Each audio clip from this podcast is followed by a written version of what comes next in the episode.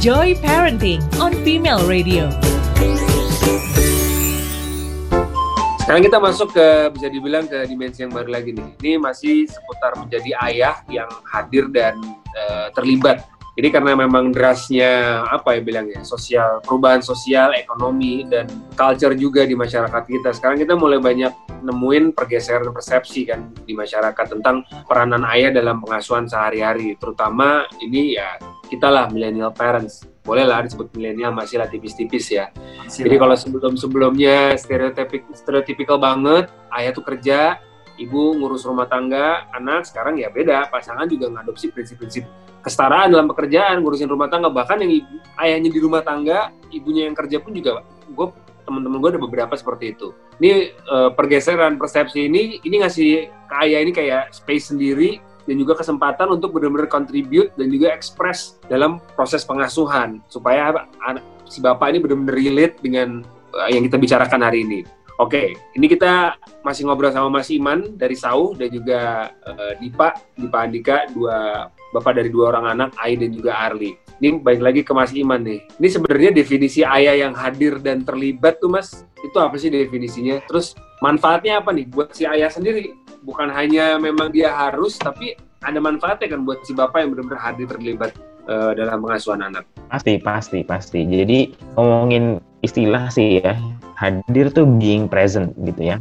Benar-benar secara utuh jiwa dan raga tuh ada ada bersama si uh, anak kita ini. Ha, sebagai parent ya, sebagai sebagai orang tua, sebagai ayah, kita ada bersama mereka. Kalau mereka misalnya lagi nonton TV, kita bukan duduk sebelahnya aja, tapi kita duduk sebelahnya kita juga mungkin nanya, itu lagi ngapain tuh? Kita tanya tokohnya. Atau misalnya uh, ketika misalnya si ibunya lagi nggak bisa pegang, dititipin ke kita, maka letakkanlah semua urusan kita, pekerjaan kita kita hentikan dulu, gadget kita taruh dulu, kita duduk sebelahnya, kita ngobrol, kita lakukan interaksi yang memang bermakna sama si anak ini. Itu namanya hadir tuh, jadi utuh tuh. Nah, kalau terlibat dalam pengasuhan itu definisi, definisinya jauh lebih uh, luas sebetulnya. Nah, ada penelitian nih udah lama sih memang tapi masih relevan sampai dunia uh, saat ini yaitu keterlibatan ayah itu ada beberapa aspek empat sebetulnya yaitu yang pertama adanya paternal engagement atau pengasuhan yang melibatkan interaksi langsung antara ayah dan anaknya dalam seluruh aktivitas anak. Caregiving tuh nggak cuma masalah ibu nih sekarang, jadi Mas Ben udah mengangkat di awal. Caregiving itu memang juga menjadi isunya uh, ayah-ayah ini Mas Dipa sama Mas Ben juga sepertinya ayah-ayah yang oke okay banget nih ya membangun dan membesarkan anak-anak masing-masing. Dari mulai ganti popok, mandiin, kasih makanan, nyuapin, main, bikinin games-games lucu gitu-gitu ya. Interaksi penuh itu uh, menjadi salah satu yang komponen yang kuat banget. Lalu kemudian uh, kita kasih aksesibilitas atau ketersediaan kesempatan kontak gitu ya. Nggak bisa kita kemudian tunggu aja anaknya datang, lalu kemudian baru deh kita lakukan sesuatu. Enggak, sometimes kita yang datengin, kita yang samperin, kamu ngapain gitu. Jadi kita memberikan akses tersebut. Kalau mau dicek ke zaman sekarang, katakan zaman zaman ini misalnya ya, sebelum pandemi deh gitu lakukan misalnya video call ketika ayahnya misalnya lagi kerja di luar, pinjam handphone istrinya untuk bisa ngomong sama anaknya, lalu video call. Itu salah satu cara untuk memberikan akses uh, interaksi. Lalu kemudian dukungan finansial itu sih harusnya sih nggak dipertanyakan lagi ya sebagai orang tua, baik ibu maupun ayah perlu menyiapkan dukungan finansial yang baik dari mulai hal-hal sederhana sehari-hari untuk makan, minum, baju sampai ke persiapan untuk sekolah dan asuransi-asuransi ya. Lalu kemudian uh, aspek berikutnya adalah tanggung jawab dan peran dalam hal menyusun rencana pengasuhan bagi anak. Artinya nggak semua dikasih ke istri. Ya, terserah deh tuh anak mau diapain, tapi kita terlibat untuk ngobrol berdua bersama-sama menyiapkan ini kita, anaknya mau diapain ya, mau kita siapkan ke arah mana, mau apa yang mau kita bekali ke dia dan seterusnya gitu. Jadi itu juga uh, nggak kelihatan, artinya tidak tidak bisa kita lihat seperti finansial tadi, tapi uh, nyata perannya dan dan dan manfaatnya. Lalu uh, Mas Ben nanya tadi manfaatnya ada nggak? Oh pasti gitu ya. Parent itu lengkap ayah dan ibu, sosok ayah, sosok ibu. Di situlah anak belajar, di situlah anak jadi mengerti tentang bagaimana dia berinteraksi, belajar lagi mengenai cinta, belajar mengenai uh, kasih sayang dan seterusnya. Jadi dari penelitian ditemukan bahwa uh, ketika ayah itu melakukan pengasuhan yang positif, anak itu akan lebih mengasosiasikan dengan keleluasaan dia untuk bereksplorasi, berekspresi, dan juga rasa aman. ini sebetulnya yang uh, menjadi bekal utama seorang anak ke depan karena artinya dia punya trust. Trust ini diperlukan. Trust itu trust mengenai diri sendiri dan trust mengenai uh, lingkungannya bahwa dia dalam situasi yang aman. Anak yang punya trust level yang cukup baik, dia melihat dunia itu positif gitu ya. Dia nggak melihat dunia ini sebagai tempat yang yang uh, yang mengancam. Sekalipun situasinya kayak sekarang jadi katakan misalnya situasi nggak aman, banyak kayak uh, banyak pendapat-pendapat, opini-opini publik yang kita nggak bisa eh, nggak uh, bisa kita kendalikan. Kalau si individu ini lahir dari individu dari keluarga yang bisa membangun trust, maka dia tidak kemudian serta merta bikin hate speech, lalu kemudian komen-komen di sosmed yang yang yang nyerang-nyerang aja. Tapi dia melihat dunia ini, oh iya ada orang yang mungkin nggak nggak cukup paham, saya coba deh bantu auranya akan lebih positif. Manfaat berikutnya adalah perkembangan emosi dan psychological uh, well-being, yaitu yang kuat tuh resiliensi. Resiliensi itu daya lenting atau kekuatan kita untuk bisa fight back setelah kita uh, turun gitu ya. Setelah kita gagal, kita bisa fight back itu resiliensi. Sering banget nih uh, bapak-bapak tuh dapat protes. Sering saya nggak tahu sih seberapa seringnya, tapi cukup umum sih di di situasi yang saya kenal juga. Misalnya anak laki dilempar tinggi-tinggi sama bapaknya gitu ya terus ditangkap lagi sampai anaknya ketawa-ketawa cekakakan seru banget. Biasanya dapat komen jangan nggak boleh gitu ya. Atau didorong ayunannya kekencengan atau misalnya dibolehin anaknya manjat-manjat tangga manjat-manjat pohon dan seterusnya. Nah yang perlu disadari adalah cara seorang ayah e, mendampingi anaknya bermain which is bermain itu adalah kebutuhan dari anak sampai dia masuk usia sekolah cara ayah itu berbeda gitu ya cara ayah tuh memang akan lebih bebas, lebih ngasal, lebih tidak terstruktur, lebih lebih akan nungguin kalau dia kejedot baru dia gue datang gitu ketimbang okay. memberikan larangan dan seterusnya.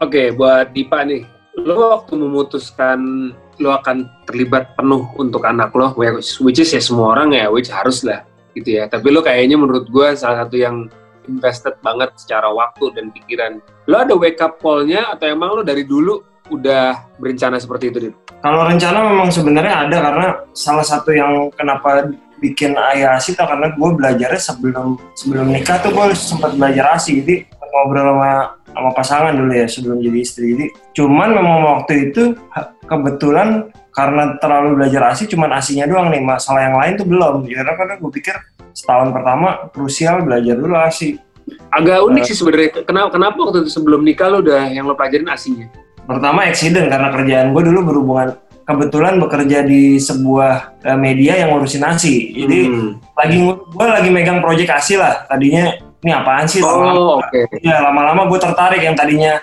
apaan sih gue laki-laki satu-satunya akhirnya ya udahlah kayaknya banyak sisi positifnya gue pelajarin. Cuman sisi negatifnya waktu itu adalah bukan sisi negatif. Kurangnya adalah karena gue belajar kebanyakan asi doang, yang lainnya gue gue nggak pelajarin. Jadi kadang banyak hal gue yang kaget giliran asi tahu tapi ini kalau yang begini-begini anak nih gimana nih akhirnya jadi belajarnya ada juga belajar telat karena terlalu banyak fokus ke satu doang waktu itu gue. Hmm. Hmm. Sebenarnya kenapa gue intinya pengen incar lebih ya namanya bikin uh, punya anak lu bukan cuma bikinnya doang yang berdua tapi ngurusnya juga harus berdua kan. Hmm, pasti. Akhirnya gue, ya akhirnya gue pakai buat slogan Ayasi sekarang uh, bikinnya berdua ngurusnya juga harus berdua gitu. Iya iya iya benar benar benar. Jadi sama gue tuh pernah dengar sebuah pengalaman uh, temen yang dia tuh kerjanya dinas mulu di luar kota gitu. Presence ke anak semakin sedikit kan.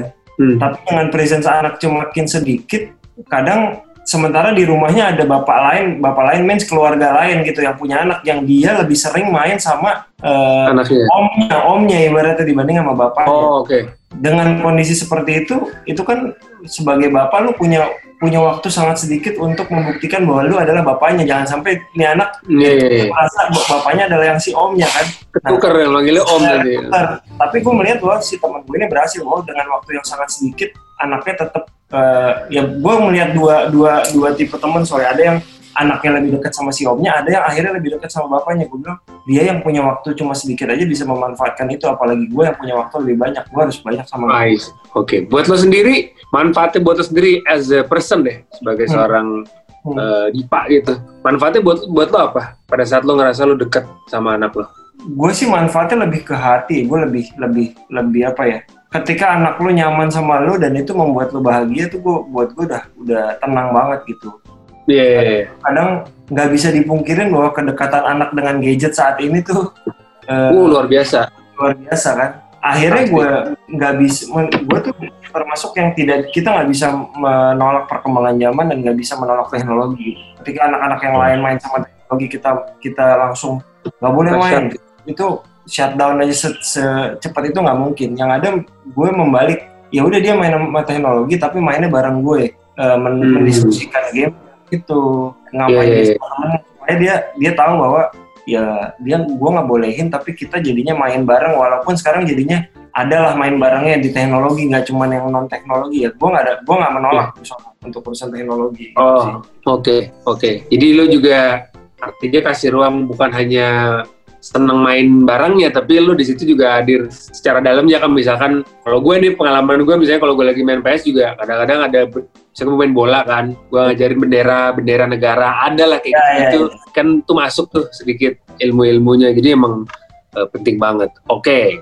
Ini buat buat IPA juga nih. Ini kan segitu banyak manfaat dan juga segitu signifikan uh, manfaat kehadiran keterlibatan ayah dalam pengasuhan. Nah ini lo gimana caranya nih? Teknisnya buat lo sendiri day to day-nya supaya kedekatan itu tidak hanya kebersamaan ada bapaknya sama anaknya, tapi juga hati tuh connect tuh. Lo ada nggak kayak cara-cara lo tuh bener-bener supaya anak lo tuh gampang cerita, cara-cara supaya dia gampang terbuka sama lo gitu again sebenarnya balik ke randang gue tuh ada gue ada satu waktu yang waktu itu adalah waktu gue pure bermain sama anak-anak gitu jadi kayak sebelum tidur itu istri hmm. bilang bahwa anak-anak itu lebih senang kalau sebelum tidur main sama gue jadi sebelum tidur yeah. itu gue gak akan gue nggak akan gantikan apa pun ada kerjaan nggak boleh ada di jam itu karena itu jam jam gue sama anak-anak main uh, bertiga hmm. gitu emang itu gue selalu pakai dan biasanya uh, ada jam-jam di mana sebelum tidur dia mau cerita dulu dan itu harus dipakai nggak boleh diganti gitu jadi okay. di sama gue gue cerita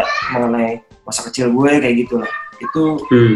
yang wajib lah di rumah gue karena gue udah tentuin itu uh, sebisa mungkin jangan digantikan orang lain itu sih. Iya karena gue ngerasa gue juga ngeliat anak tuh kalau mau sebelum tidur itu kayak dia otaknya masuk kayak kayak gelombang. Jadi kalau kita bicarain waktu itu, itu kayaknya nempel banget tuh karena gue sering muncul pertanyaan-pertanyaan dia ataupun gue gue juga lupa gue pernah ngomong kayak gitu tapi dia inget banget bahkan waktu udah kayak dua tahun lalu jadi gue kalau baca dongeng sebelum tidur tuh memang melekat banget sama si anak. Iya. Mas Iman, ini buat sebagian istri yes. ini bicara mengenai katanya prinsip divide and conquer dengan suaminya. Mungkin itu bisa menjadi topik yang cukup apa ya sensitif mungkin. Ada tips nggak mas supaya pada saat kita membicarakan tentang ini tuh sama pasangan tuh kita ada ayem gitu, nggak jadi friksi lempar-lemparan iya. piring gitu maksudnya. Serem amat langsung lempar-lemparan piring. Oke. Okay. Piring kertas mas, piring Nomor kertas, satu. piring kertas. Oh piring kertas, bener juga, bener juga nggak apa kira nama gue. Oke, okay. jadi nomor satu seperti yang saya bilang tadi sama juga seperti ayah yang emang mau nggak mau udah taruh di mindset di kepala bahwa ya you're a father now so live with that gitu. Hmm. sama juga seperti ini untuk momis nih untuk para istri lihat bahwa pasangan itu bukan musuh gitu ya. Pasangan hmm. itu adalah tadi yang prinsipnya Mas Dipa tadi punya tuh. Hmm. bikin bareng-bareng ngasuhnya juga bareng-bareng. Sama. Hmm. dan dan kita kan memang dilahirkan dari dua keluarga yang berbeda. Artinya kita punya sejarah yang berbeda juga. Maka perbedaan itu udah pasti ada gitu. Dan hmm. perbedaan itu bukan untuk diruncingkan. Maka kita lihat lihat lagi baik-baik bahwa oh iya dia beda sama gue. Kalau gitu saya mesti ngomongnya pelan-pelan. Hmm. Kayak lah I message sebetulnya. Jadi saya saya gitu atau babe gitu ya. Aku pengen bilang dia bahwa bo boleh nggak kalau gini gini gini gini gini gini. Hmm. Boleh nggak kalau kamu yang sekarang bangun pagi duluan untuk gini gini gini gini.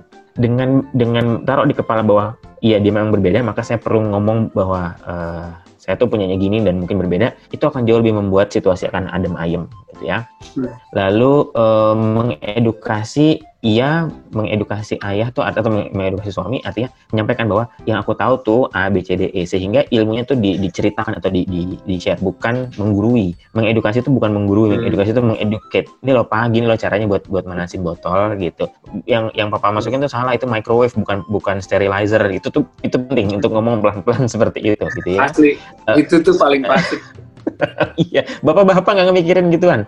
Lalu kemudian diskusi itu dengan jelas, poinnya apa, kemudian execution itu kayak apa. Itu harus harus harus cukup mau untuk di, diutarakan. Jangan disimpan aja, jangan ber, berupaya kan ngerti ini pasangan ini mustinya nggak bisa, kita nggak bisa pakai mustinya. Gak Berikutnya adalah nggak bisa kita dan juga kita harus taruh uh, target yang realistis.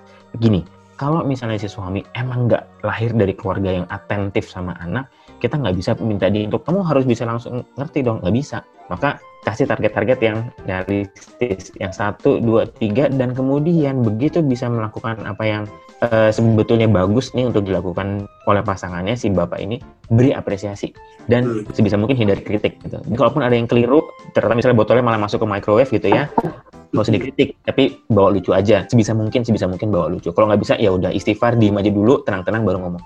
Pak, meleot nih botol, meleot nih botolnya gitu ya. Besok-besok yang ini apa beda ya Pak gitu. Itu akan Oke. jauh lebih menyenangkan. Jadi ada ada ada lucu yang tetap terjadi sekalipun memang Iya, situasinya iya. tuh like, masih ups and down. Itu sih penting banget tuh mas. Oke, ini kalau tadi bicara soal waktu juga deh. Tadi lu sempat cerita tuh di pada temen lo, waktunya nggak banyak sama anak karena emang harus mau nggak mau kerja. Tapi juga menurut gue, gue termasuk yang bilang situasi di keluarga tuh beda-beda. Ada yang bener-bener kerjaannya gampang, bisa cari duit dari rumah. Ada yang di luar, ada yang mungkin sampai harus keluar kota. Quality time itu kan tidak tidak mesti banyak, tapi berkualitas. Nah lo sendiri, mungkin kalau sekarang karena kita pandemi kita di rumah gitu. Nah lo sebelumnya lo juggling tetap menjadi peran bapak lo yang seperti yang lo mau, tapi sambil kerja juga sesuai dengan karir yang lo impikan lo ada film lo ada manajemen lo ada financial thing lo lo jugglingnya lo gimana di dulu Dip? gue makanya menyesuaikan ketika gue udah udah komit waktu itu buat sama anak lu nggak boleh ganti. Kayak misalnya zaman gue ngantor gue inget gue cuma punya waktu pagi sama malam kan? Gitu. Hmm. Nah itu gue nggak akan gantikan pagi. Gue cuma ada waktu 15 menit ibaratnya sama anak ya udah lu harus komit. Jangan kalau lu udah komit 15 menit buat sama anak ya jangan lu ganti gitu sih. Karena ketika lu mau bisa memu apa ya ibaratnya menyepelekan waktu yang itu ntar akan mengulang waktu berikutnya lalu bisa menyepelekan itu karena itu agak bahaya juga buat kita sebagai bapak kalau emang lu udah Iya. waktu itu ya lu lu pakai aja gitu kayak oke soalnya pas zaman zaman eh, anak gue masih bayi yang gue pakai adalah kan quality time itu kadang kedekatannya kadang bisa bisa touching itu gue gue pakai banget jadi kayak gue Hmm. menggendong anak mengelilingi kompleks selama pagi, 15 menit pagi-pagi tuh gue pakai gue pakai banget supaya ya dia ada sentuhan dari gue lah gitu malam Hmm. pulang kadang gue inget tuh gue tuh pengen banget pokoknya kalau malam atau gue bisa mau pulang sore anak mandi sama gue sementara anak kan udah mandi ya pulang. Mandi lagi aja mau nggak? Jadi gue paksa untuk mandi lagi. Biar mandi sama gue demi punya waktu sentuhan karena kadang kalau pas zaman bayi jadi anak lo malas banget sih. Gue kedinginan kali. Karena kalau udah malam biasanya gue memang menyerahkan waktu tidur eh, waktu zaman asli kan pasti anak maunya tidurnya sama anak karena sambil nempel eh, ngasih kan biasanya adalah Ya. udah berarti pas bangun harus sama gue dulu gue gendong dulu sebelum Hmm. gue kasih ke ibunya gitu. jadi intinya kalau buat gue adalah komit sih kalau udah komit waktunya Iya, sama iya. sama kita ya udah jangan digantiin gitu. itu kayak buat gue kayak hook kanan sama uppercut kiri tuh kalau dak dak ah, gitu kayak gue soalnya kadang-kadang ya itu komitmen itu kan. Lo udah oke oke nanti ini tiba-tiba ada aja. Tiba-tiba perlu apa perlu apa gitu ya karena 15 menit lo gantiin hilang. Besoknya 15 menit hilang 30 menit. Terus aja gitu gitu kan. Iya, itu, itu berulang. berulang berulang. Itu bener banget. Oke. Sekarang nih mas buat mas Iman nih. Mm-mm. ini Ya. kalau kasusnya memang ayahnya kerjanya keluar kota offshore lah dinas atau apa pun itu. Pulang jatahnya kacau Hmm. nih sebulan atau mungkin lebih parah lagi dua bulan sekali atau pekerjaannya mungkin yang benar-benar nuntut heavy traveling. Memang mau nggak mau pulang sebentar cabut lagi airport lagi airport lagi gitu kan.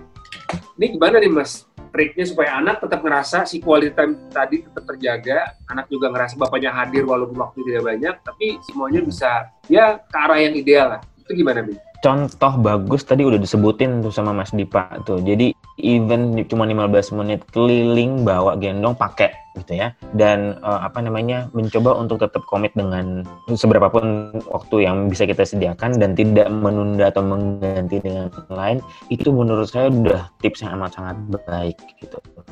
Karena orang yang bisa komitmen atau atau dedicate dengan gue mau punya 15 waktu 15 menit waktu gue di hari ini pagi ini sekalipun gue sibuk sama anak gue itu orang yang betul-betul uh, punya passion terhadap pengasuhan anak.